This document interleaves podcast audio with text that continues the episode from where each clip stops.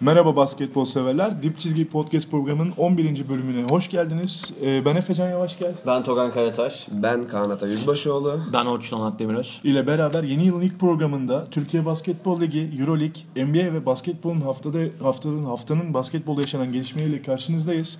Ee, öncelikle Türkiye Basketbol Ligi'nden başlayacağız. Yalnız bir değişikliğimiz var programda. Artık geçtiğimiz haftaki maçların maçın maç için yorumlamaktansa bir radikal değişiklik yaptık ekipçe. Ee, daha çok gündemin haberlerini ve bugün ya da önümüzdeki hafta önce Değişikliği maçları yaparken hiç bana sormadınız. Ee, Orçun istemediği bir şeydi. Hep Demokratik karar. Üçe bir tamam. oy çokluğuyla. Oy çok güzel. Sonradan eklendi. Ee, o zaman yavaş yavaş başlayalım. Ee, açıkçası Ergen Ataman'dan başlamak istiyoruz. Çünkü bu hafta bir iki kere gündeme geldi maç sonrası açıklamalarıyla. Ee, Ergen Hoca Daşka'ya kaybetti geçen hafta. Galatasaray'da bu arada Türkiye Basketbol Ligi'nde 8. sırada ve daha yerini garantileyebilmiş durumda değil. Euroleague'deki hali zaten ortada. Ee, Galatasaray'la ilgili şöyle, e, Ergen Ataman'la ilgili şöyle başlayabiliriz. Kaan, e, Obradoviç'le ilgili açıklamaları vardı. Fenerbahçe cephesini genelde sana sormak isterim bugün. Ee, sence Obradoviç'in gelişinde Ergen Ataman etkili mi? Ya Obradovic'in gelişinde Ergin Ataman etkili değil. Ama şöyle Ergin Hoca'nın orada anlatmaya çalıştığı şey çok farklı. Diyor ki ya benim başarılarım var diyor. Fenerbahçe'nin eee, bir şey yapması gerekiyordu. Bir hamle yapması gerekiyordu diyor ve gidip en iyisini buldular getirdiler diyor. Bu konuda haksız değil ama Ergin Hoca'nın başarısı değil or- ortadaki olay. Ortadaki olay Fenerbahçe'nin başarıya ihtiyacı. Ergin Hoca değil X Hoca, Oktay Hoca ya da herhangi bir hoca olsa da Fenerbahçe gidip Obradovic'i bulup getirebilirdi. Bu Ve- Fenerbahçe'nin yapılanmasının başarısı aslında değil mi? Kesinlikle Ergen aynı fikirdeyim. Ya e, Fenerbahçe yönetimi çoğu konuda eleştirilir bu arada. Buna da burada değineyim en azından. E, en azından Obradovic'i getirme ve ipleri eline verme konusunda ben çok başarılı buluyorum Fenerbahçe yönetimini. Ergin Hoca konusuna gelirsek hemen bitireyim şöyle. E, başarısızlığını kulp bularak başkalarının üstüne yüklemeye çalışıyor. Benim görüşüm bu. E, bu hafta içi röportajında da 23 kere Fenerbahçe'den bahsetmiş. Yani Fenerbahçe sözcüğü geçiyor ama sadece 6 kere kendi çalıştığı takım Galatasaray'ın ismi geçiyor. Ya bu da artık gerçekten komik bir hale gelmiş durumda. Bir yansıtma unsuru. Ayrıca bir hatırlatma yapayım. Bugün Kadıköy'deyiz. Programımızı Kadıköy'den yapıyoruz. Biraz ev Deplasmandayız. sahibi, ev sahibi Kaan. o yüzden hani bugünlük idare edeceksiniz. Her zaman Ver Obradovic'i, ver Obradovic'i. Niye ben, ben de ev her sahibiyim. zaman her zaman Abdi İpekçi'ye daha yakın programlar yapmaya çalışıyorduk. Niye ben de ev sahibiyim hocam? Benim de evim bu tarafta. Ee, şimdi şöyle devam edebiliriz. Ergen Ataman'ın Obradoviç açıklamalarından sonra Orçun sana geçeceğim. Acaba Ergen, Ergen Ataman oyuncularıyla ilgili açıklamalarıyla ilgili neler söyleyebiliriz? Medyanın önüne attığından bahsetmiştin sen. Ee, evet yani e, kaybedilen Efes maçından sonra Euroleague'deki e, Dibbler ve Day ile ilgili açıklamalarda bulundu. İşte hani bugün bize e, katkıdan çok zarar verdiler dedi. E, evet yani gerçekten de Dibbler ve Day e, Efes maçında iyi bir oyun sergilemediler. Hatta hani Dibbler 15 dakika oyunda kalıp e, bir top kullanabildi ama e, ben hiçbir zaman oyuncuları bu şekilde medya önünde hedef gösterme taraftarı olan birisi değilim. Yani bu tür sorunlar e, kapalı kapılar arkasında takım içerisinde çözülmesi gerekir bence. Bunu zaman zaman Obradoviç de yapıyor. Ben ama bunu doğru bir yöntem olarak bulmuyorum. E, Ergin Hoca'nın da şu andaki hani e, yani hali ve tavrının da zaten e, mevcut e, başarısızlıkla da ilintili olduğunu düşünüyorum. Ama bunu aşmanın yöntemi sürekli oyunculara hedef göstermek de değil. E, Açıkçası bu, bu sezon unutmuş gibi davranıyor Ergen Hoca. Hani ya şu saatten sonra zaten toparlamak çok kolay değil yani işte Eurolig'in paspas takımı durumunda. E, TBL'de de şu anda hani bir yeri e, garanti değil. Evet yani ciddi yani. e, sıkıntıları var yani. Playoff rot- Ya- rotasında daha iyi takımlar var yani Tabii, şu anda. Galatasaray'da. O Muhtemelen yüzden girerler ama mesela Yeşilgöğs'ün önlerinde. Ki bunu hak ederek geldi. Tempo olarak mesela. evet yani takım mühendisliği, kimyası olarak öyle. Ee, devam edelim o zaman hocam. Ergen Ataman'la ilgili sizin söyleyecek, katkı yapacak bir şeyiniz var mı? Ee. Orçun'un dediği kendi aramızda da konuşuyoruz. Bu Dibbler Day e, üzerine bir şey söylemek isterim. Hani maharet bu oyuncuları e, medyanın önüne atmak değil. Maharet bu oyunculardan verim almak. Bu oyunculara savunma yaptırmak. E, hani zor olan budur. Yoksa 12 tane Doğuş Balbay'la oynasın o zaman. Ataman. Evet tabii. Yani, öyle bir Evet, iş bir şey istiyorsa 12 tane Doğuş Balbay'la oynasın. Kaan dediğine şey 12 ekleyeceğim. tane doğuş balboyu düşünemedim. ben de düşünemedim. Ee, orada Yarıda 32 atarlarsa yani. Kaan'ın dediği şey doğru. Ama 20 Obradovic sadece e, Ergin Ataman'la ilgili değil. Bir, mesela salon da bir vizyondur. Obradovic'in gelişi de, Gerardini'nin gelişi de bir vizyondur. Hani burada sadece Fenerbahçe yönetimi değil, hani Murat Ülker'in de hakkını vermek lazım. Bu bir vizyon meselesidir. Yani Yapılanma Obradovic- meselesi. Obradovic o sene uygun olduğu için geldi. Panathinaikos devam etseydi gelemeyebilirdi ama mesela en azından o ayarda Kaldı bir koç yine gelecekti. Kaldı ki isteyen takımlar vardı Obradovic'i. Ki bir- bence Efes, Efes çok istedi. istiyordu Obradovic'i ama Dedeyle Efes yerine e, Fenerbahçe'yi tercih etti Obradovic. Ayrıca şöyle de bir çıkarım Ve tarih yapabiliriz. değişti. Obradovic şu an sadece Fenerbahçe'ye geldiğiyle konuşmayalım yani. Obradovic sürekli sözleşme uzatıyor. Evet. Evet. Daha Bu iyi O da bir daha- burada mutlu olduğundan, Evet. planlama yaptığından. Evet. Hani Ergin Ataman'la beraber olduğu için aynı ligi paylaştığı için sözleşme uzatmıyor Obradovic yani. Yani tabii ki. Girişinde etkisi olabilir mutlaka ama İyi, Ama şöyle de bir şey var. Rekabet çok güzel aslında aralarındaki. Yani E, tabii. Ergin Hoca ile Obrado- Obradovic'in mesela Abdi Pekici'de galibiyeti yoktu bu seneye kadar. Bu sene aldığı ilk Aldı galibiyetini. Yani o da eminim o da o rekabetten de hoşlanıyor ama tek sebep kesinlikle Ergin Ataman değil olamaz Obradovic için. Çok yavaş farklı yavaş hedefleri var. Ergin Hoca'yı kapatalım. Ben başarılarla gündeme gelen bir koçtan yani bu kadar başarısızlık ve bu kadar artık takım içi dedikoduyla söz etmekten sıkıldım kendi adıma. Evet. takım kötü yani. Hani Kesinlikle. Basketbolda konuşacak şeylerim az Galatasaray adına Ergin Hoca adına. E, yavaş yavaş FIBA Şampiyonlar Ligi'ne doğru geçelim. E, FIBA Şampiyonlar Ligi'ne 4 takımımız kazandı. Bu tabloya bu sene alışığız aslında. Hani en azından bir 3-4-5 haftasında Evet. gördük bunu tam emin olmamakla beraber rakamdan. E, 4 takımımız da kazanırken aslında bir performans bizi çok şaşırttı. Aslında Euroleague'de de tam tersi bir performans bizi şaşırttı. Furkan Korkmaz. Furkan hem galiba en iyi hareketlere giren birkaç hareketi var. 3 tane mükemmel Üç smacı tane var. mükemmel evet. smacı var. İstatistikleri gayet iyi. Banvit iki tane buzzer soktuğu bir maç kazanıyor. Ee, ben Banvit'i Bu arada bence şaşırtmamalı Furkan'ın şaşırtmamalı, performansı. Şaşırtmamalı. Ee, aynı zamanda Can Maxim'le konuşacağız zaten. Hocam e, Furkan'ın gidişi. Furkan Banvit'e gitti. Efes'te süre alamıyordu. Ee, Banvit içinde rotasyonda yer bulmaya başladı. Dakika bulmaya başladı ve artık katkı veriyor Furkan. İki takıma da yaramış bir kere onu söyleyebiliriz. Ee, bu milli takım için de iyi bir şey. İki, iki oyuncu da daha daha iyi, daha verimli oynayacağı pozisyonlarda ve rollerde oynuyorlar. Bir kere Furkan'ın oynaması lazım zaten NBA gibi bir hayali varsa. 20 sayı 5 rebound yaptı ve bu haftanın ilk 5'inde, Şampiyonlar Ligi'nde ilk 5'inde e, güzel maç oldu. Hani e, 80-80 uzadı. 95-94 kazandı. Banvit Aris'i yendi ve direkt rakibini yendi. İki galibiyet fark yaptı şu an Aris'e. Kaybetseydi eşitleneceklerdi. Hani Orelik iki tane buzzer İki attı tane aslında. buzzer attı. Biri çok zor. Ee, Biri de basket faal, basket faal faali kaçırdı sanırım Orelik değil mi? Theodor'un yine 14 asisti asisti. var. Hani Theodor zaten şu an Şampiyonlar Ligi'nin e, asist lideri, e, ortalama asist lideri. E, bu önemli bir galibiyetti ama galibiyetin ötesinde şey Furkan'ın oynaması e, Furkan çok ö- özel bir oyuncu yani öyle EuroLeague'de 1 dakika 2 dakika oynayacak bir oyuncu değil. Oturunca geri giden bir oyuncu. Hani hep Orçun da söyledi. Dedenin döneminde de geri gitti. Ya bu sene de geri gidiyordu. Dede zamanında Furkan'ın içeride iyi oynadığı maçlar vardı ama Furkan. Var Mesela ama- süre bulduğunda Euroleague'de de yani. Kaldırıp önemli şutlar attığını hatırlıyorum. Bu arada Sonra bir- dinleyenlere söyleyeyim yani dede diye tabir ettiğimiz kişi Ivkovic. İlkovic yani. Yani biz böyle- düzeltmeyi de yapalım. Biz alışkanlıktan dede diyoruz. Devam edebiliriz hocam. Yani Banvit'ten konuşmak isterseniz. Ee, şeyi söyleyeyim ben. Ee, diğer maçlarla ilgili notumu söyleyeyim size vereyim. Beşiktaş Gore'yi yendi işte Karşıyaka Saratov'u yendi. Uşak e, Rosa'yı Radom'u yendi. Uşak'tan Zek Agust bu haftanın 31 sayı 11 14 rebound ile Çok iyi bir MVP'si oldu. En iyi oyuncusu oldu ve Uşak e, grubunda biraz aşağıda olan tek takımımız ve yukarıdaki e, yukarıda yukarı için önemli bir galibiyet aldı. Bu önemli. Şeyi söyleyeyim hani bu Şampiyonlar Ligi'nde nasıl format nasıl 5 grupta e, ilk 4 takım ve 4 tane en iyi üçüncü şey e, pardon 5 gruptan ilk 4 takım yukarı çıkacak. Daha sonra e, 4 tane lider ve en iyi 3 tane ikinci maç yapmayacak. Yani 24 takım yukarı çıkacak. Lider ve en iyi 3 tane ikincinin yanında 8, toplam 8 takım maç yapmayacak. Biraz karışık anlattım kusura bakmayın. e, 16 takım tekrar şeyden devam edecek. Gerçek bir Yani iktisatçı gibi anlatma. Şöyle söyleyeyim. Liderler, grubunu lider bitirenler e, bay şey bay geçecek Anladım. elemeyi. E, Ondan sonra Ya lider bitirmenin avantajı Lider ikinci turda maç yapmayacaklar evet. yani. Ve hani ilk dörde girmek girme şansı hala var. O şu anda devam ediyor. Diğer takımlarımız zaten ilk ikide. Banvit ikinci 9-2 ile. İkinci turdaki eşleşmeler şey halinde playoffsuz tek maç ya da içeride dışarıda. Ha. Ona bakmadım. Ona yeniden bakayım. E, şeyden de bahsetmek isterim. Erman Kunter hocamızın Le, Le Mans'da 8-3 ile B grubunun lideri. Lideri. Karşıyaka'nın olduğu grupta lider. Beşiktaş lider. Banvit ikinci. Karşıyaka ikinci. E, Uşak sadece 6. Altıncı sırada. Ama Umarım Uşak'ta Uşak'ta bir... toparlar. 4-7 değil mi Evet. Uşak şu anda? Evet 4-7. Şey hakkında ne diyorsunuz onu ben sorayım. Arisliler çok e, kızdılar hakeme.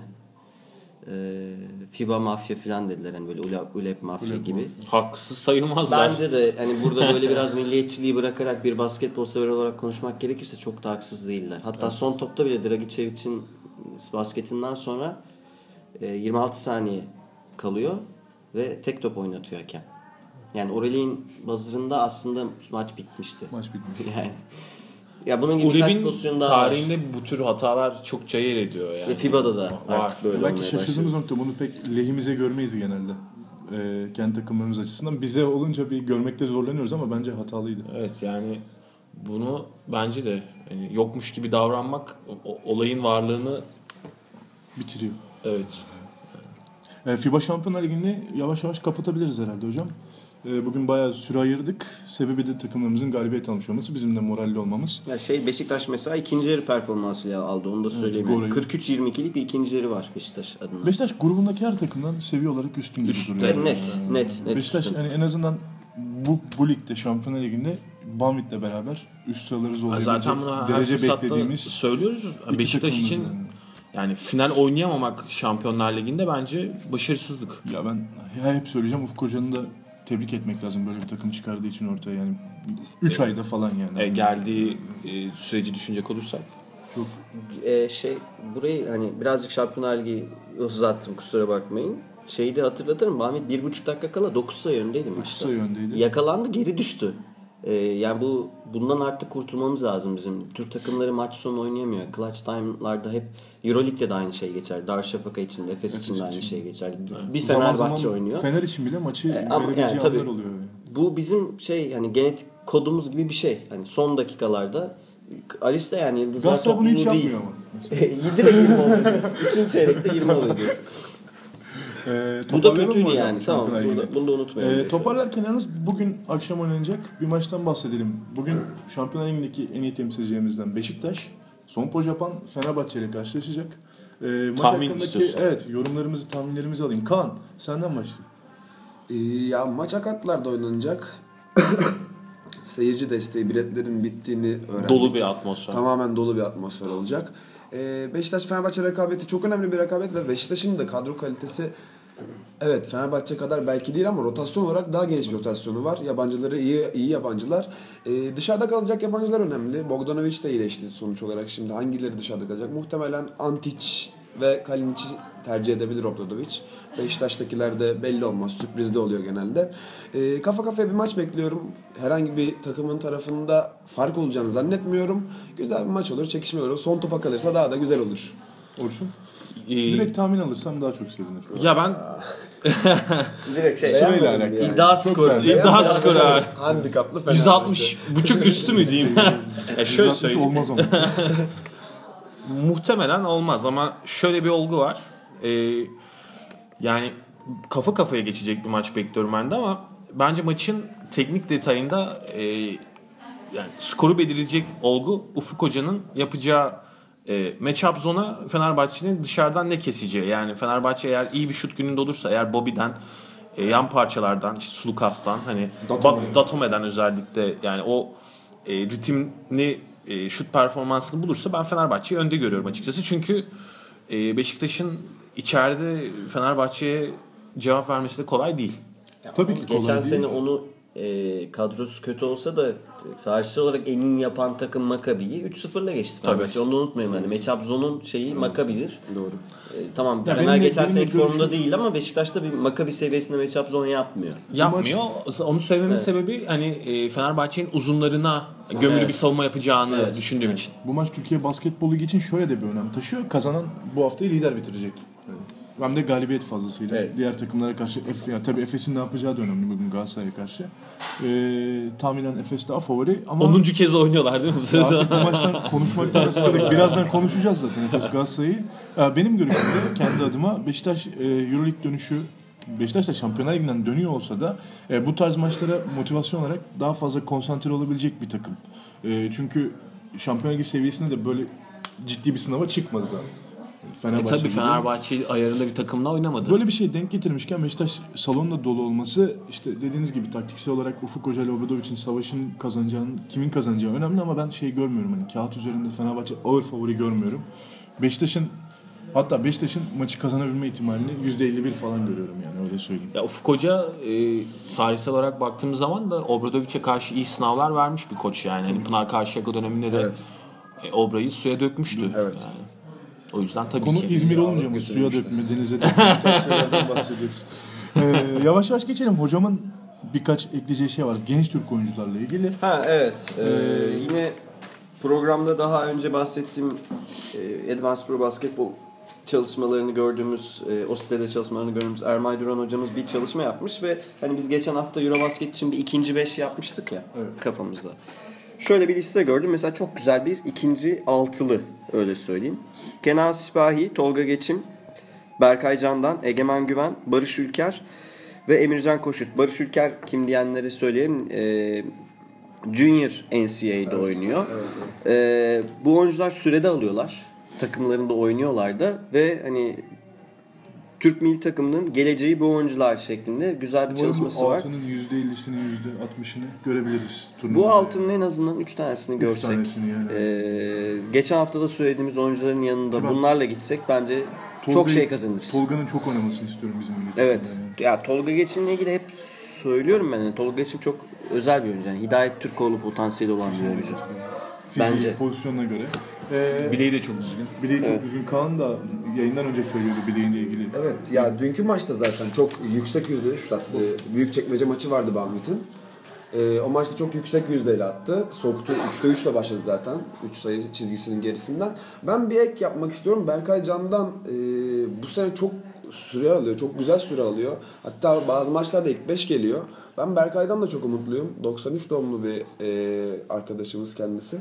E, ya bu milli takımın hep konuştuğumuz gibi değişim yaşaması gerekiyor. Artık yaş e, skalasını aşağı çekip sonraki turnuvalara yönlenmemiz gerekiyor ve bu oyuncular da hepsi çok çok değerli oyuncular. Ya bu turnuvayı da hani alıştığımız kadroyla geçirirsek e, bence önümüzdeki 1-2 turnuvayı da risk yapacağız. Doğru. Evet ama ben bu noktada hani organizasyonun daha önemli olduğunu düşünüyorum. Tamam yani hani evet alttan gelen önemli oyuncularla oynayalım da hani o Erman zaman da başımız, başımızda da öğretmen bir koç olsun o zaman. Erman yani. Kunteri diyor yani. Bence Evet, olabilir, Erman Kunter bence en iyi aday. E, yavaş yavaş kapatıp Euroleague'e her zaman söylediğimiz gibi mabedimize geçme zamanı Field geldi. Devotion mı? Field Devotion. Okey. e, bu hafta Biraz Euroleague'de soğuktu ama bu hafta. yani. hem soğuktu Kar, kış. Çok hissedemedim ben. Açıkçası hem bir tane derbi oynadık kendi içimizde. Ee, bir galibiyet, bir mağlubiyette bunun dışında aldık. Derbiyi de Efes Galatasaray'ı geçerek depre, e, kendi sahasında 84-73 geçerek kazandı. Efes galibiyetiyle başladık. Efes maçıyla konuşmaya da devam edebiliriz. Ee, maçtan önce ben şeyi merak ediyorum. Ergen Ataman e, Efes'in Real Madrid maçını izlemeye gelmişti. Sonrasında Efes Galatasaray'a gitti. Efes Galatasaray'ı deplasmanda yendi. A- Aynı saha ama deplasman taraftar olarak. Sonrasında da e, back to back gibi e, Efes Galatasaray'ı içeride yine mağlup etti. Dejavu gibi değil mi? Böyle? Dejavu böyle bir garip bir ortam oldu. Efes Galatasaray maçları playoff oynuyormuş gibi Efes'le Galatasaray yani. Çok fazla üst üste karşılaştılar. Ee, hocam yavaş yavaş geçelim. Ee, Can Maxim'le açmak istiyorum ben. Biraz Ben de onu açacaktım zaten. Yerine otursun diye. Can Maxim çok önemli yerlerde çok iyi katkılar verdi. Ee, Efes'e ve ilk bu kadar süre aldığı maçta. 15 dakika süre aldı Can Maxim ve oyunda olduğunda Efes'in enerjisini direkt yukarı çekti. Hatta o e, topu kurtarmak için sandalyenin üstüne koştuğu pozisyon var. Herkes onu görmüştür muhtemelen. Ee, do- 5'te 3 üçlük atarak 9 sayı 3 rebound 1 asist 4 top çalmayla oynadı Can Maxim. Efes'in en verimli oynayan oyuncularından biri ve en çok enerji koyan oyuncularından biri. Onun dışında Can Maxim faktörü dışında e, Efes cephesinde de Galatasaray cephesinde de değişen bir şey görmedim ben. Bilmiyorum siz gördünüz mü sayın dip çizgi yorumcuları. Yine Efes Brandon Powell'la, Brian Dustin'la, atletik oyuncularıyla işte Granger savunma performansı ve Brown'la maçı tutmaya çalıştı. Önde götürdü. Galatasaray yine Tayus, Miço ve Sinan üçlüsü üzerinden oynadı. Onlar yorulunca geri düştü. Onlar dinlenince tekrar maç 5 sayıya geldi. E, Efes biliyorsunuz hani hep söylüyoruz maçları kopartamıyor. Öyle bir sorunu var. Efes maçları kopartamadığı için e, hani aynı şeyleri tekrar söylemek istemiyorum. Geçen haftadan bir fark yok. Fittipaldo'nun 6 sayı attığı maç oldu ama o da çok etkili oynamadı. Buraya Omiç'e geçmeden önce bir şey söyleyeceğim. Dunstan 500. Euroleague reboundunu aldı. Bir kilometre taşı Dunstan için. Ve Efes %50 galibiyet oranını yakaladı. Galatasaray 4-12'ye düştü. E, hafta içi ben Omiç'le ilgili bir yazı yazdım basket dergisinde. Hani Omiç ne kadar kötü onu göstermek için. Omiç bir takımın Euroleague'de 16 takımda takım arasında ana rotasyonda olup yani ana rot- rotasyondan kastımız her maçta 8-10 dakika süre alan 16 maçta da oynayan olup takımına en çok zarar veren oyuncu. Omiç sahadayken 8 dakikada Efes e, onun toplam oynadığı dakikalarda averajı eksi 54. Yani Omid sahadayken Efes 54 sayı fazla yemiş rakiplerini. Attığından daha fazlasını yemiş. Omid sahada değilken Efes artı 52. Yani eksi averajın sorumlusu tek başına Alen Omic. Averajını geçtim. Bütün momentumu da kaybettiriyor. Alper Yılmaz'a yazdın mı bunu? Yazdım abi Twitter'dan ama okudum bilmiyorum. okudum bilmiyorum. Bütün lig, lig, lig şeyine baktım. Omic mesela 25 dakika oynasaydı bir 5 oyuncusu gibi her maç 10 sayı geriye düşecekti Efes. Yani Omic ligin en kötü ana rotasyon oyuncusu. Ana rotasyon oyuncusu yani Ege Arar'ı Barış Ersey'i falan dışarıda bırakırsa. Yanlışlıkla tip Bu falan. arada Evet. hafta içi hocam Voigtman'la Omic karşılaştırması yaptı. Evet o yazıda yani. Voigtman mesela onu da söyleyeyim. Omic ikinci seviye e, ULEP Cup'tan geldi. Voigtman şu an dördüncü seviye, geçen sene üçüncü seviye olan FIBA Europe, Europe, Europe Cup şampiyonu Frankfurt'tan geldi. Hani bir alt seviyeden geldi Voigtman. Voigtman şu an ligin en verimli oynayan oyuncularından biri. E, 15 civarında verimlilik puanı üretiyor. Omic'in verimlilik puanı 2.5-2.8'di sanırım. O civarda bir şey. Hani hiçbir şey üretmiyor. Yani o yüzden e, Karşıyaka'daki Ponitka, Banvit'teki Widmar, Bile hani bakın üst şeyi söylemiyorum yani NBDL oyuncularını falan söylemiyorum. Omic'ten daha çok katkı yapar. Ama bence. Perasovic'in de Omic'le ilgili bir planı yok. Ya tamam Omic kötü bir oyuncu. Ee, Ama- bu seviyenin oyuncusu değil. Ama lig sezon çöpe o gitmek zaman üzere. beklentiniz kalmayacak yani bir koç olarak hala zorlamanın anlamı ne? Hani Şimdi Dunstan hasıl game'in olduğu yerde bir oyuncu 30 dakika oynatamazsın. Öyle bir dünya yok yani. ama oynatmak zorunda kalıyor. E sakatlansa ne olacak? Ya bence Samet Bence oynamıyor zaten. Efes için en kötü senaryo dans. Ve şu an Efes'in hani Ga- Galatasaray'ın playoff şansı kalmadı gibi. Efes'in playoff şansı var. Playoff potasında. Ama şu önümüzdeki 5 maç Efes için çok zor. Zor bir fikstüre giriyor. Oaka'ya gidecek. Yani çok zor maçları olacak ve bu 5 maç sonunda eğer Omic gitmezse ben şimdiden söyleyeyim sonra dalgasını geçeriz. Playoff'un 2 maç 2 galibiyet gerisine düşebilir Efes. Ve buradan 1-4 ile çıkabilir. Onu söyleyeyim. Yani Şu sadece bir galibiyet alabilir. Om için gitmesi pek mümkün gözükmüyor ama en azından bir hamle yapılabilir yani oraya bir e, parça eklenebilir. Tabii. Ya Ki biz bunu her hafta zaten vurguluyoruz. Yani artık Orçun sana dönerken bir dip çizgi klasiği haline döndü. maç, maç içiyle alakalı bir şeyiniz var mı? Başka söyleyecek bir şeyiniz? Efes'in Efes için güzel nokta Peresovic'in istediği şey oldu ve Efes 89 pozisyona çıktı. Galatasaray 77 pozisyonda kaldı. Efes zaten pozisyon sayısını arttırmaya çalışan bir takım. Onu söyleyeyim. Onun dışında oyun olarak bir gelişme yok Efes'te. Mutaf hariç. Ben de böyle düşünüyorum. Yalnız şöyle bir gelişme var. Bu maçın ya Galatasaray maçlarının özelinde Orçun'a dönerken bunu söyleyerek döneyim. Ee, guardsız Galatasaray'a karşı savunmada bence zorlanıyorlar. Örtel ve Granger aynı anda iyi oynadı. Tek maç belki Euroleague'de Efes'in. Evet ama o Galatasaray'ın e, yani durumuyla alakalı. Evet, yani bir de iki guardda 15 verimlilik puanın üstüne çıkmışlar. Sinan bir de bu maçta e, bench'ten geldi yani onu Ergin Hoca hani e, final anına saklamak istedi. Çok hani maçın başında hırpalanmamasını istedi. Ama baktığımız zaman yani Galatasaray maçlarının çok ben bir e, veri olduğunu düşünmüyorum. Çünkü e, Galatasaray'ın yani limitleri belli ve hani maça iyi bile girse e, üçüncü çeyrek takım ister istemez düşüyor yani hani bir tempo yaptığın zaman bir hani vites arttırdığın zaman Galatasaray'ı direkt e, vurup geçebiliyorsun. Ben şunu söyleyeyim. Efes'in e, ciddi sorunlarından birisi bu maçta da gene kendisini gösterdi. Ee, yani Tyus e, daha ilk çeyrekte 14 verimlilik puanı yaptı. İlk yarıda 18 pille kapattı ve bunun tamamı neredeyse e, tepe pick and roll'leri ve side pick and roll'ler yani e, forvet pick and roll'leri üzerinden geldi. Efes ciddi şekilde Paris'te 25'te falan oynadı verimlilik. Tabi yani maç sonunu o şekilde bitirdi. şekilde. Hani Efes e, ikili oyunlar konusunda ciddi zaaf yaşıyor ve bunu hani e, savunmakta bayağı zorlanıyor. Hani Maxim gerçekten iyi bir maç çıkardı ama bu bence biraz da şeyle ilgili ya. Maçın genel enerjisi düşüktü. Yani hani ben televizyondan izledim maçı. Siz Ben orada mıydınız bilmiyorum ben ama televizyondan izleyebildim. e, yani hani maçta ki oynayan oyuncular çok böyle hani maçın içindeymiş gibi de değildi yani. Böyle çok hani e, düşük enerjili bir maçtı. Ya şeyi kusura bakma söyleyeyim. Abdi Pekçi havalar soğuk olduğunda seyirci de azsa e, hani o seyirci giriş yerlerine perdeler çekiliyor. Bayağı esiyor Evet. yani. Soğuk oluyor Abdi Yani-. Gerçekten salonun içinde Ama- soğuk oluyor. Can'ın performansı ilerisi için önemli yani. Önemli hani e, o role yani mesela Furkan o role e, uyum sağlamakta zorlanmıştı o yardımcı role. E, ama Can kendisini o noktada hazırlamış ve iyi katkı verdi. Ve şey de enteresan bir istatistik daha var maçı dair. E, Galatasaray ilk yarı hiç faal çizgisine gelmeden 36 sayı üretti ve maçın içindeydi. Yani hani Evet. Efes'in çok ciddi faal sorunu yaşadığı bir günde yani berbat faal yüzdesiyle oynadı Efes. Ona rağmen hani ilk yarıda kafa kafaya giden bir oyun vardı. Böyle bir alttan alttan geliyordu Galatasaray maçın Tabii. sonuna doğru da zaten. hep oluyor Ama Efes maçları. Efes maçında. Ama işte gene o üçüncü çeyrek sendromu yani Galatasaray'ın bu sezonki üçüncü çeyreklerini incelerseniz zaten nasıl bir düşüş yaşadıklarını da görürsünüz. Yani şeyi son 5 maçın kazandığı maçlar Galatasaray maçları Efes'in. Tabii. Daha e, zor rakipleriyle Son- dışarıda oynayacak. 5 maçın ikisi Yani Galatasaray. Kombanka gidecek, Oaka'ya gidecek, Barcelona'ya gidecek Kaan, vesaire. Farklı bir bakış açısıyla sana döneyim. Tepe- tepeden baktığında yani biraz daha üstte olduğu için senin daha çok ilgilendiğin takım. Ee, Efes'i, Galatasaray'ı karşında gördüğünde nasıl düşünüyorsun? Her maç favori çıkıyor mu Fenerbahçe mesela Efes ve Galatasaray? Ya Fenerbahçe evet ya, Ya şu an- Efes'i ve Galatasaray'ı değerlendirmek senin için kolay olsun diye soruyorum. Şöyle söyleyeyim ben kendi fikrimi. Şimdi e, Efes'le Galatasaray arasında büyük fark var tabii ki.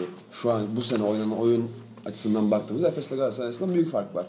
Maç özelinde değil ama genel genel olarak değerlendirmemi istersen e, yine Ergin'e döneceğim. Yani ben- tekrar başa sarıyorum ama Ergin Ataman bu kadroyu sene başında kendisi oluşturdu. Russ Smith'i vardı, Justin Dentman'ı vardı. Bunların ikisini de yollamayı kendisi tercih etti. Dar rotasyonu kendisi tercih etti ve şu anki so- yani bütün maçların hepsinin sorumlusu Ergin Ataman'dır. Kimseye suç atmasın. Efes özelinde ise e, bir ara Efes sanki şeyi gösterdi bize. Bir iki maç çok iyi e, tempo ve çok güzel bir savunma oyunuyla beraber maç kazandı. Sonrasında da böyle devam edebileceğini gösterdi. Ama yine tekrar bir başa sardı bir dengesizlik oldu.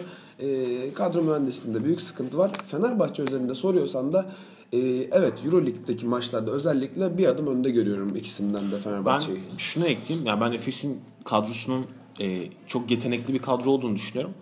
Ama Perasovic'in e, aklındaki oyunun burada bir e, soru işareti olduğunu düşünüyorum. Hocam Hanikat niye böyle? Panikat hücumu düşündüğü sürece böyle olacak. Bir de Sanki ben Orçun kadar düşünüyor değil mi? ben Orçun kadar Efes'in kadrosunun kaliteli olduğunu düşünmüyorum. Yani Efes'in Kaliteli demedim yetenekli. yetenekli olduğunu da düşünmüyorum. Çünkü Efes'in e, bir Antonio yok. Granger'ı yok. Efes'in bir Trajan Langdon'ı yok. Bunu bir adını koyalım. Deşan Thomas son attığı 33'lüğün 4'ünde filan isabet bulmuş Euroleague'de. Dökülüyor. Hanikat şutör değil. Hani dökülüyor. Tamam ama- Hanikat savunmada enerji koyuyor ama son haftalarda öyle değil. Bakın Oaka'da gerçek görünecek. Oaka'da Efes'in gerçek şeyini bir mucize olmazsa göreceğiz. Gerçek seviyesini. Katılıyorum buna. Ama İyi bir test. e, çok iyi bir test maçı ama şu da bir gerçek ki e, yani Efes bu ligin en dinamik ve aslında atlet takımlarından birisi. Evet. E, bence iyi bir uzun eklemesiyle ki Fenerbahçe maçlarındaki e, hani e, sorun e, Ekpe'nin ve Veseli'nin orada çok, ağır ağır basması. Yani doğru. sonuçta Dunstan orada tek başına eziliyor yani. Hani bütün bir maçı tek başına kurtarması mümkün değil. Ben iyi bir uzun eklenirse bu takıma bu takımın ileriye gideceğini düşünüyorum açıkçası. Bence. Ben bence de öyle düşünüyorum. Transfer uzun gelirse tabii. olur. Ee, yavaş yavaş Aptipex'den çıkalım o zaman. Çok boğulduk oraya gibi bugün. Hani genel olarak da medya açıklamalarından sonra. Atmosfer de kötü orada. Aç, açıkçası beklediğimiz bir galibiyet. Efes'in Galatasaray'ı yenebileceğini düşünüyorduk ve öyle oldu. Ee, sürpriz zaten. olmadı. Evet. Ve şimdi yavaş yavaş Ataşehir'e doğru. e, Fenerbahçe Milano maçını konuşmaya doğru geçelim. Fenerbahçe Milano'yu 89-79 mağlup, mağlup etti ve e, genel olarak 86. pardon 86. 86-79 mağlup etti ve maç boyunca Milano hep maçın içindeydi. Fenerbahçe 3 dakikalık bir seriyle, ritimle Milano'nun önüne geçti son çeyrekte. Ee, Hatta bu- son dakikada bir son sayı. dakika bir sayı. hatta e, Bogdanovic'in dönüş maçı oldu, oynadı da. E, Fenerbahçe Milano'ya karşı yetenek olarak da, e, ritim olarak da, konsantrasyon olarak da çok üstün bir takım bu ligde. Milano Galatasaray'la aynı kefeye koyabileceğimiz tarzda bir takım. Ve Hele ki e, Gentile de gitti. Gentile de gitti. Rezil Sanders kötü bir Rakim Sanders. dönemde. Doğru. Ee, bununla ilgili mesela Kaan, e, Milano niye hep maçın içinde? Fenerbahçe niye vitesi birinci çeyrekten itibaren alıştığımız şekilde bir 8-10 sayı öne atamadı? Ya e, yayından önce de beraber de konuştuk. Temposuz bir oyun var. Fenerbahçe'nin geçen seneden alışık olduğumuz temposu, e, set oyunlarındaki temposu ya da ne bileyim transition, Ritim. transition defense aynen. Ya bir ritmi yok Fenerbahçe'nin bu sene. Ya bu olmayınca da rakip her türlü oyunun içinde kalabiliyor. Yani istediği gibi. Bu Milano olsun, Galatasaray olsun, Zalgiris olsun fark etmiyor. Rakip oyunun içinde kaldığı sürece de e, koparamıyorsun maçı. Fenerbahçe'nin biz geçen hafta düşündüğümüzde ne beklerdik? Artı 10 artı 15 gibi defer- diferansla zaten Eurolig'in sondan ikincisi Milano ile oynuyordu. E, Gentile'yi kaybetmiş bir Milano'ydu ve çok rahat geçeceğini düşündüğümüz bir maç. Son bir dakikaya Rakip kadar kafa kafaya yoktu ya. Evet. Yani 7 6 kişilik bir rotasyonla Yani. Milan geldi yani. Yani orada Naneli'nin üçlüğüyle üçlüğünden sonra maç koptu. O girmese belki maçı bile kaybedecekti. Ki 8 Fenerbahçe. maçta da kazanamayan bir Milan. Kesinlikle. E, Nani'nin performansı var. Bu arada bir hatırlatma daha yapalım. Bugün e, program yaparken stüdyo olarak bir kafe kullanıyoruz. Ve bu kafe bazen içine sesler alıyor olabilir ama bizim de bu karda kışta bu karda kışta e, ısınacak, Geçen hafta üşüdüğümüz yerde yapmamız mümkün değil. ısınacak bir çay kahve içebilecek bir yere ihtiyacımız vardı. Keyifli de bir ortam oluyor. Bu ses için şimdiden özür dileyelim dinleyenlerimizden. Biz elimizden Ee, geldiğince sesi bastırmaya çalışıyoruz. Sezon başından beri bir Nanali problemi vardı kafamızda. Ee, Orçun'a döneceğim bu konuyla ilgili. Orçun senin de istatistiklerin ne var maçla ilgili? Nanali bu maçı bence aldı. Aldı tabii 5 dakikada 12 sayı. Bu maçı yani aldı yani. çok hani Fast break e, bitirdi, üçlük attı. kritik yerlerde kritik e, sorumluluklar aldı. Ki kötü bir ilk yarı oynamasına rağmen. Evet. Ee, ama ya bu noktada biraz Obra'ya da açıkçası ben e, hani takdirlerimi sunmak istiyorum çünkü maç kafa kafaya gitti yani ve hani beklenmediği üzere Fener son dakika içerisinde kazandı maçı yani. Hani Mil, mil- şey İtalya'da da aynı maçı yaşamış. Evet. hatırlarsın. Ve buna rağmen e, Bogdan'ı kazanmak için e, çok uzun bir aradan sonra yani iki aydır yok Bogdan. E, bütün o hani ritimsizliğine ve bütün o hani e, hani çünkü iki aydır oynamayan bir oyuncunun e, oyuna girmesi kolay değil ve onu kazanmak için oyunda tuttu. E, kötü bir performans sergiledi Bogdan. Ama bu bence çok önemli değil. Yani bence bu büyük bir koç hamlesi yani hani e, çünkü uzun vadeli uzun vadeli bakıyor yani bu maç kazanılır kaybedilir o şekilde görmüyor yani. Hani benim için diyor hani uzun vadede yolda diyor hani Bogdan'ın ne kadar çok e, hani çabuk geri dönmesi o kadar iyi diyor. O yüzden bence önemli bir hamleydi. Ee, bir Ee, ekleme yapayım buraya istersen. Ee, Bogdanovic normalde bundan önceki iki maç önce hatta yani CSK maçında muhtemelen oynayabilecek durumdaydı. Ama e, Obradovic inatla dedi ki bekle. Ben seni bekleteceğim ve e, Daha ikinci yarının, aynen, ikinci yarının ilk maçında sen tamamen hazır olduğunda başlatacağım. Evet katkısı yok, skora katkısı yok ama e, sahaya ve uzun bir e, ağır bir sakatlık döneminden çıktı. Alışma dönemi bence tekrar Çok geri dönecektir Bogdanovic. Aynen Ben öyle. bu, bu noktada yani Milan maçında e, önemli bir olguya da e, parmak basayım. E, Datome'nin yükselen bir performansı var yani hani geçen hafta oynanan Fenerbahçe maçında da e, önemli bir katkı verdi. Son bir hani birkaç haftadır Datome üzerine koyarak geliyor.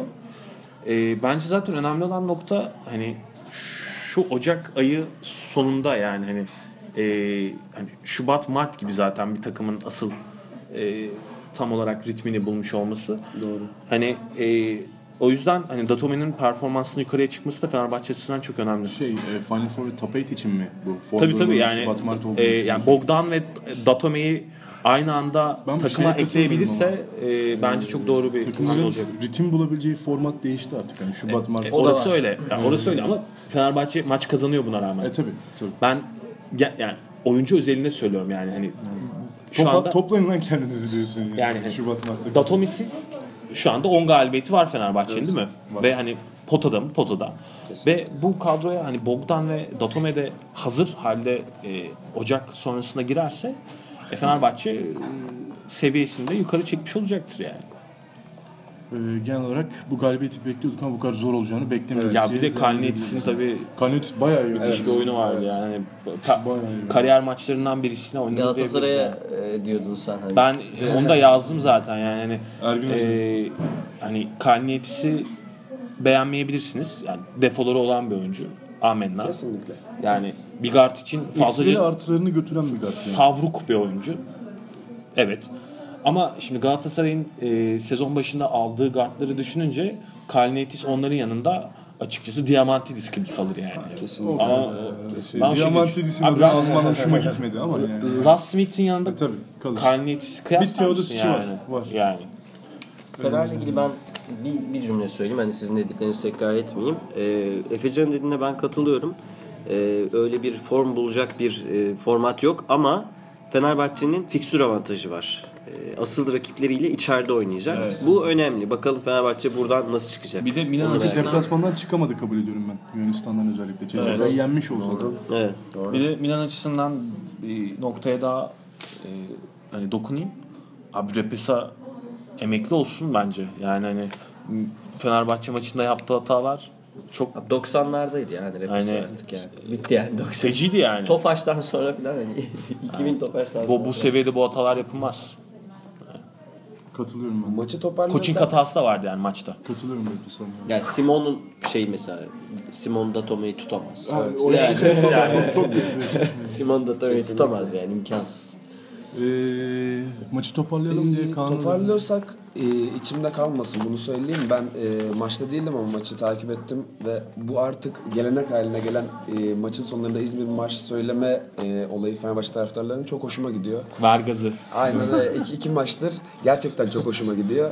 E, bunu her maç devam ettirip bir gelenek haline getirmek de çok hoş olabilir. E, Ülker Spor Sarayı'nın bir geleneği olsun bence.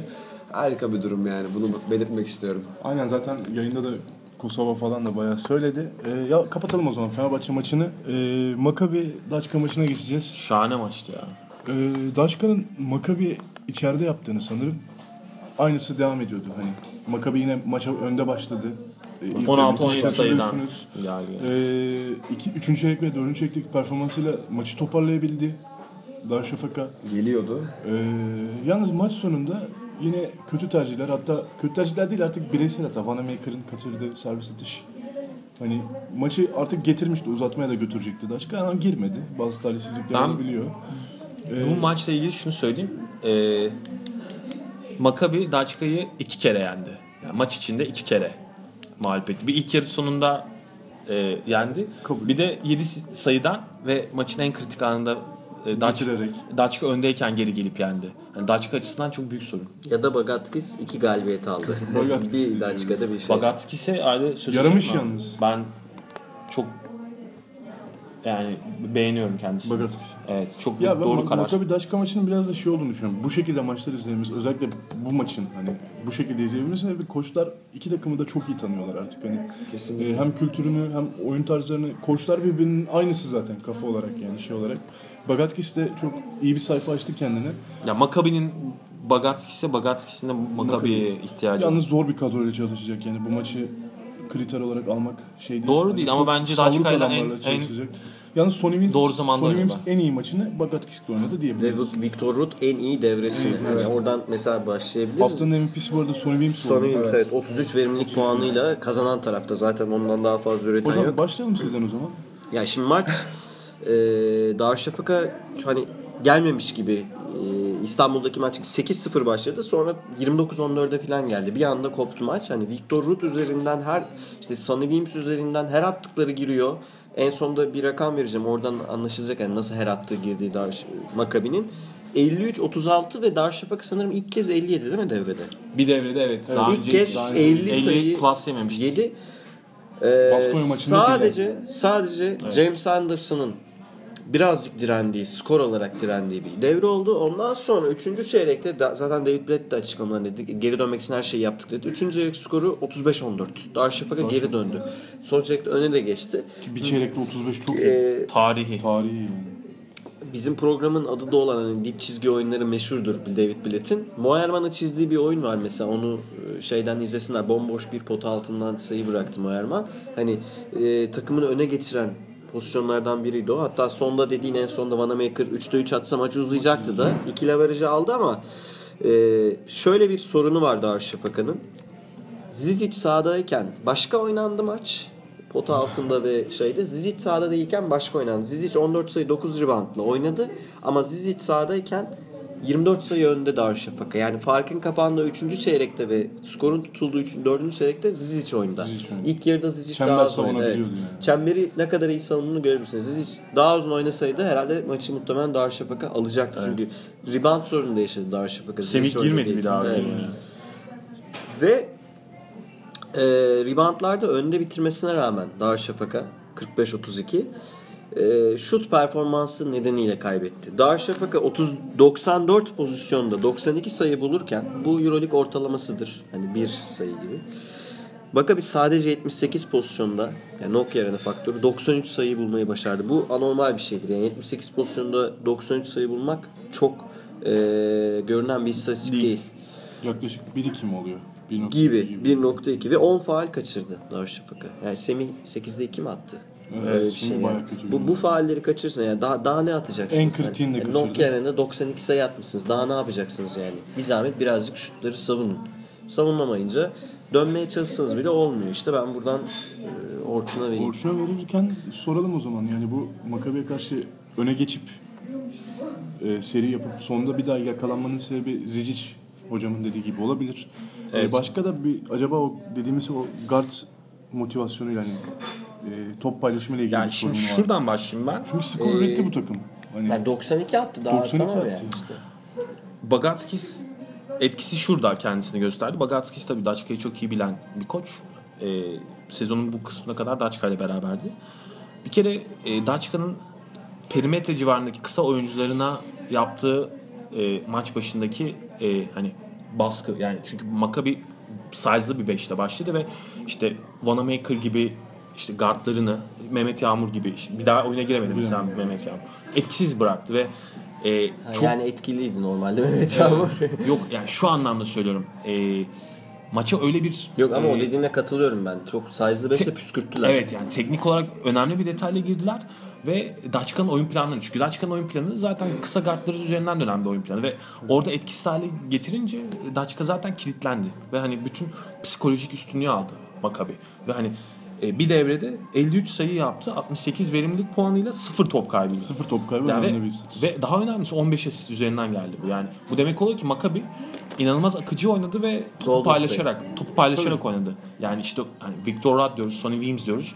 Hani Godlock'ı bir, bir kenara koyayım ama bu oyuncular e, topu paylaşmayı becerdiler. Ki normalde e, sezon genelinde bu, bunu yapamadıklarını gördük. Ama Bagatsis burada e, takımın oyunu çeşitlendirmesini sağladı. Bu çok önemli bir nokta. Yani hani gelir gelmez böyle bir etki yaratmak bence önemli. Hani, Dokun, dokunmuş, dokunuşu belli Evet, yani evet. yani. Şimdi maçı oradan e, alalım. Üçüncü çeyrek performansı bence ekstra bir performanstı. Yani her gün olabilecek bir olgu değil. Hani 7 üçlük arka arkaya geldi yani. Daçka açısından. Ve e, maç ortaya geldi ama maç sonunda gene Daçka kötü bir maç sonu oynadı. Yani hatalar noktasına bakıyoruz. Oyun aklı çok yoktu Daçka'nın. Hani e, maçı getiren neydi? E, ekstradan gelen üçlükler. Çember savunması. Ve Evet, rebound. Yani rebound üstünlüğü. Maccabi Ama, potasında oluşan 47 reboundun 21'ini Daçka almış. Evet. Neredeyse kafa kafaya. yani. ama Wanamaker son çeyrekte oyunun kırılma anında saçmaladı. Maçta o Hatta şekilde o gitti. top da faal olan Yani top da çok akıllıca oynanmış bir oyun falan top değildi evet yani. değil öyle doğru. Yani şans eseri orada. Şans eseri top Ee, Devin Smith düştü ve bir hata gelerek yaptı, evet. yani. O yüzden hani e, Daçka'nın maçı getirdi evet önemlidir. 16 sayıdan Maccabi'nin kendi sahasından geri gelmek çok önemli bir başarı. Fenerbahçe gelememişti. E, ama maç sonunu bu şekilde kaybetmek bence acıtıcı. Yani Katılıyorum. Bir de şeyi sorayım Orçun sana. Ee, Ben aynı clutch time probleminin Muayman'da da olduğunu düşünüyorum. Muayman da o dakikalarda dikkat ediyorum genelde saçmalıyor. Dağılıyor. Dağılıyor yani. Evet öyle bir problem var. Ama yani e, Muammer'in daha bu sezon Evet, Topu, evet. o topu olursa- bırakmıyorlar hocam ya bence. Bırakmıyorlar da bir iki top elinde kalıyor. İlla kalıyor Muayman'ın ve Kalıyor, evet. çok özgüvensiz atıyor. üzerinden kalıyor Evet, çünkü Çok özgüvensiz atıyor. Şunu söyleyeyim. Bence Ante Zizic transferi Daçka'nın e, şu önümüzdeki playoff dönemini kurtarmış bir transfer. Bence de. Çok önemli katkı alacaklar. Yani yaşına göre oyun bilgisi ve rebound sezgisi muhteşem. Umarım e, Efes bunu görüp Uzun alır. e, yani Ante Zizic gibi bir oyuncu eklemesi yapar. Evet, Umarım yapar yani. Ee, geldiği ligde Miro Bilan duruyor. Hatırlatabiliriz buradan. Ee, Sedevita'dan. sen nasıl buluyorsun? Ziz? Üfledik Sen kulağa. nasıl buluyorsun Daçka'nın uzunluğunu, yeni uzunluğunu? Ya e, ben öyle maçı çok fazla detaylı izleme şansı bulamadım. Hep Fenerbahçe maçlarını izle. İstatistiklere baktığımızda kendini belli ediyor. Bir de e, yanlışım olmasın. Veseli sanırım e, Zizic'le ilgili tweet atmış maç içinde. Hani e, Ya yok şey. Udo, Udo. Udo, Udo. Udo, Udo, pardon. I like this Zizic dedi. E, çok yani şey karşılıklı oynamak isteyeceği bir oyuncu olduğunu gösteriyor. Genç yaşına rağmen bu kadar güzel e, istatistiklere sahip, özgüvenle oynadığı çok bariz belli ve Daçka'nın e, katılıyorum hocama playoff'a kendini attığında playoff'ta da e, çok yararlanabileceği bir e, Alternatif üretti olmuş. çünkü evet, Daçka Kesinlikle. yani. Yoktu böyle bir alternatif yani. Hem uzun skor üzerinden hem çember Bir de Slaughter yok şu anda öyle düşünmek Slaughter lazım yani. Bu Slaughter'ı galiba düşünmüyor da. O işte de böyle bir grip falan mı olsa bu arada? Alır mıyız biz? Yani o miçe verilen süre Samet G'ye verilse pek bir şey fark etmez. Yavaş Olması yavaş lazım. da Daçka maçını da kapatmamız lazım arkadaşlar. Ee, Yorgin diğer maçlarına geçeceğim. Evet. Ee, bu buradan galibiyet çıkarmak önemliydi ama ikili averajı almak da önemlidir. Evet. Makabidir bu ne yapacağı belli olmaz. Bir sayıyla aldı sonra. ikili averajı Darüşşafaka. Evet. Ben Bir ama sayı. Maccabi'nin gelebileceğini hala düşünüyorum. Ben de düşünüyorum. Evet, ben de. Kadro kalitesi olarak yani. koç değişikliğinden Bagatskis'in sonra, evet. Ama şeyi de bu galibiyet, bu mağlubiyet de çok can yak- yakıcı değil mi? Yakıcı. Real Madrid gibi. Bugün Maccabi'yi yensen 5'te Başka kalacaklar. Maccabi'yi dışarı atmış Tabii. olacaksın. Yani Maccabi gidip Maccabi şu an her takım için Efes tekrar Real Madrid Efes atsa için, iki takımımız için. Real Madrid'e geçecek yani. Evet. Yani o iki gal mağlubiyet hakikaten çok can yakıcı oldu. Ee, yavaş yavaş diğer skorları vereyim. Skorları verirken yavaş yavaş da e, bu maçlara katkıda yapmaya bulunabilir. Katkıda katkı yapmaya başlayabiliriz. E, Bros Baskets Barcelona'yı 85-65 geçti. Tahminimiz tuttu. Tahminimiz tuttu. Ben geçen hafta pek emin değilim. Barcelona'nın direnebileceğini düşünüyordum çünkü birkaç vites arttırmışlardı sona doğru. Ee, olmadı. Burası çok Burası yani ritimli şu anda ya. Benim, benim favori adamlar 20'şer attılar. Be- beşi- Barcelona'ya. beşi takmış gidiyorlar yani. Strelnieks Sömürler 20'şer sayı gönderdi. Mevli de 33 verimlilik puan gönderdi sanırım. Yani Brozi 30 kırdı işte o 30 şanssızlığını ve o şanssızlığı kırdıktan sonra arka arkaya maçlar Yani bu Brose Kazanarak. daha arka arkaya maç kazanırsa potaya girdi. ilk yani. 4 falan yani. Yani. Bu Brose şekilde. playoff'a kalma Playoff'u konusunda Efes'ten daha şanslı. Ben de Efes'ten daha şanslı görüyorum. Kızıldız'la kapışacaklar. Hatta Daçka'dan da daha şanslı görüyorum Brose'yi. Peki bu Barcelona'nın durumu ne olacak?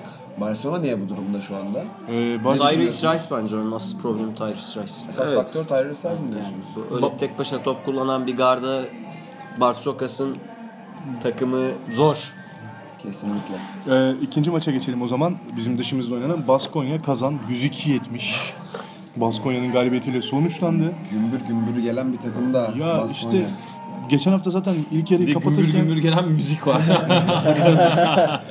Bu Baskonya, haftalık idare edin. Baskonya'ya özel açtık bunu. Baskonya geçen hafta ilk yarıyı kapatırken en başarılı takımlardan biri olarak yazmıştık. Bu hatta. tahminimiz de tuttu değil mi? Rahat Evet, olabilir. yani çok rahat kazanacağını söylemiştik. Baskonya'nın 102-70 geçti. Zagris Kızılyıldız. Açıkçası benim kendi adıma bu kadar kolay kopacağını beklemediğim bir Ben maçtı. de beklemiyordum. Hatta benim bu tahmin tutmadı. 77-61 kazandı deplasmanda. Hatta ilk yarıda 22-47. 22-47 bir Maç çok rahat geçti. Çok rahat bir maç oldu. Yani Biz şahane bir maç dedik yani. Kafa Evet, kafaya geçecek evet. bir maç dedik. genel Kolaylaştırdı. O Yasivik yani- Leskevicius da bunu beklemiyordu. Yani. Yani Zagiris koptuktan sonra işte U18'den Hartenstein demiştim ya geçen Evet, hafta. evet. Onu filan oyuna soktu. Yani öyle bir maç oldu Evet. yani. Bitti maç. 30'a gidiyordu da son anlarda işte Ve kapandı. sonra iki derbiye geçtik. Olipana'yı 77-69, Real Madrid CSK'yı 95-85 mağlup etti. Olipana maçında favorimiz Oli'ydi ekipçe. Evet. evet. Evet. Ama ben burada senin fikrini merak ederim mesela. Yani Panathinaikos Ben- niye sadece Casey Rivers ve Mike James dışında üretkenlik yapamadı? Biraz da Neredeyse Singleton. Evet. Biraz da Singleton. İyi bir gününde değildi Panathinaikos genel anlamda ama ben Oli deplasmanlarında takımı bir şey olduğunu hep görürüm zaten. Bu en iyi döneminde, Diamantidis'li dönemde de hep oluyordu. Ayrıca hakem yönetiminden de hiç memnun değilim kendi adıma. Yani Panathinaikos'u daha çok İlettin seven mi? bir olarak, adam olarak. Ee, bu mağlubiyeti bekliyordum ama bu da hani takımın parçalarının çalışmayacağı bir galibiyet beklemiyordum. Ee, Genel olarak tahminlerimize çok yakın bitti maçlar. bitti Bir maçlar. tek CSK Real Madrid maçı Real Madrid CSK herkes CSK bekliyordu. ben galiba ben, Real ben de dedim. CSK ben. Real dedim geçen hafta. ben Real. Kaan dedi. Ben Kaan- de Real'in şansını Kaan bildiğini aynen. söyledim. Biz CSK dedik değil mi? Ya CSK'nın 3 mağlubiyet üst üste almayacağını ben de düşünüyordum ama çok ilginç bir şekilde ya o, takım, o takımda da bir sallantılar var. Yani o takım da tabii Oturmadı. ki şu anda liderdir. Evet. En iyi takımdır açık ara ama sallantı var. 3 maç üst üste mağlubiyet CSK seviyesi için yani e, hayra alamet değil ben söyleyeyim. Birinciliği kaptırabilirler. Lul Bey diyeceksiniz. Maçülis'le ilgili ilginç bir şey söyleyeyim. Euroleague'de %60 ile üçlük atıyor Maçülis. Şaka gibi Geçen yani. ya, geçen günkü maçta da Maçülis ne zaman boş bulsa attı yani. Evet. Kaçırmadı. El üstü kaçırdı bir iki tane yani. Panathinaikos'la ilgili şeyi söyleyeyim. Ben Gentile 0-5 ile oynadı. Ha, 8 Gentile dakika çok, çok kötüydü kötü ve bir. Ama- Gentile sahadayken Panathinaikos Pascal eksi çok 12. kötü zamanda soktu yani Gentile'yi. O oyuna attı resmen yani. Eee Sfarapulas hocamız Joe Pascal'den daha büyük koç. Bu böyle zaten.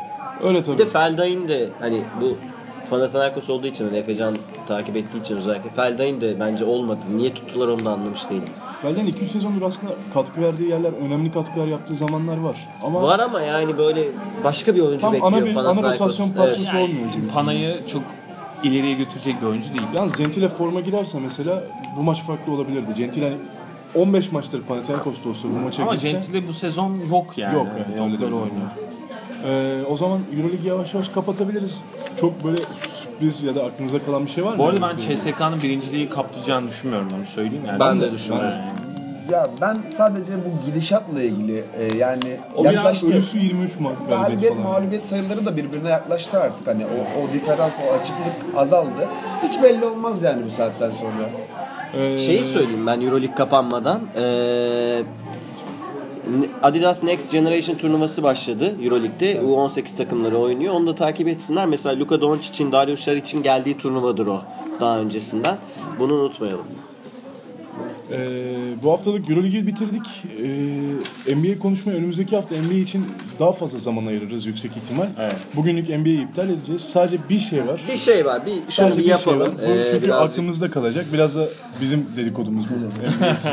Ne zamandır konuşuyorduk değil mi? Evet evet. Bir tane daha ekleyeceğim spor Tamam. şeyinden. Matt Banner'ın çok güzel bir emeklilik videosu var izleyin. Onun dışında dört tane takım söyleyeceğim size. Bu takımlardan hangisini seçersiniz? Birinci takım Stephen Curry, Michael Jordan, Julius Erving, Hakim Olajuwon, Bill Russell. İkinci takım Stockton, Kobe, Bird, Barkley, Will Chamberlain. Üçüncü takım Magic Johnson, Allen Iverson, Kevin Durant, Tim Duncan, Shaquille O'Neal. Dördüncü takım Isaiah Thomas, Oscar, Robertson, LeBron, Malone ve Abdul-Jabbar. O zaman sizden başlayalım hocam. Ben Stockton ve Bird takımını seçiyorum. Stockton, Kobe, Ben Bird. seçmeyeceğim takımı söyleyeyim. Iverson takımı kesinlikle seçmem. Ee, ben şöyle bir yorum yapayım. Ben dördüncü takımı Isaiah Thomas, Oscar Robertson, LeBron üçlüsüne Malone ve Ab- Kerim Abdul-Jabbar'ın eklendiği takımı seçerim. Çok ağır favori burada bence. Ana, ana faktör ne peki burada onu seçmende? Ana faktör LeBron, LeBron. tabii ki Karl Malone. Hustle var orada bir kere. The Mailman. Evet. Hustle Game'i en yüksek takımlardan birisi. Ben de fikrimi belirteyim. Ben de Jordan'ın olduğu ta- yerde başka bir Jordan takım mı seçemem. Curry mi kardeşim? Jordan'ın olduğu yerde başka bir takım seçemem. Şeyi de Biliyorum. e, hatırlatalım. E, All-Star oylaması için mesela Zaza Pachuli'nin 500 bin oy aldığı yerde Ersan Evet. 60 bin oya gelememiş durumda. evet. Ersan'a oy vermeyi unutmayalım. E, hashtag NBA Vote boşluk Ersan İlyasova büyük harf I ile Evet. ile Evet. e, yazarak sosyal medyadan esirgemeyelim. Ersan inşallah All-Star olur. Eğer arada- içinize sinerse Ömer aşağıda oy yollayabilir. Ufak bir koalisyon yapalım Ersan'la ilgili. Ersan'ı belki en azından oylama olarak iyi bir yerlere çıkarabiliriz yani. Bizim Umarım. ekibimizle ya beraber. bu sene çok verimli oynuyor Ersan Evet, Philadelphia'da. Philadelphia, Philadelphia sahip çıkar sana. ya bizle alakalı değil. Philadelphia niye oy vermez mesela? Koskoca eyalet ya. Enteresan. Neyse arkadaşlar bu haftalık programımızın sonuna geldik. Ee, Özel ara ara- şartlarda Ee, bugün kafeden yaptığımız yayın. Yoğun e, bir kar yağışı sevdiğimiz var bir ka- sevdiğimiz bir kafeden yaptık bu yayını. Ee, bugün için bizi idare edin çünkü çok soğuk hava. Ee, önümüzdeki hafta daha fazla zaman ayırmak dileğiyle hoşça kalın. Görüşmek üzere. hoşçakalın. Hoşçakalın.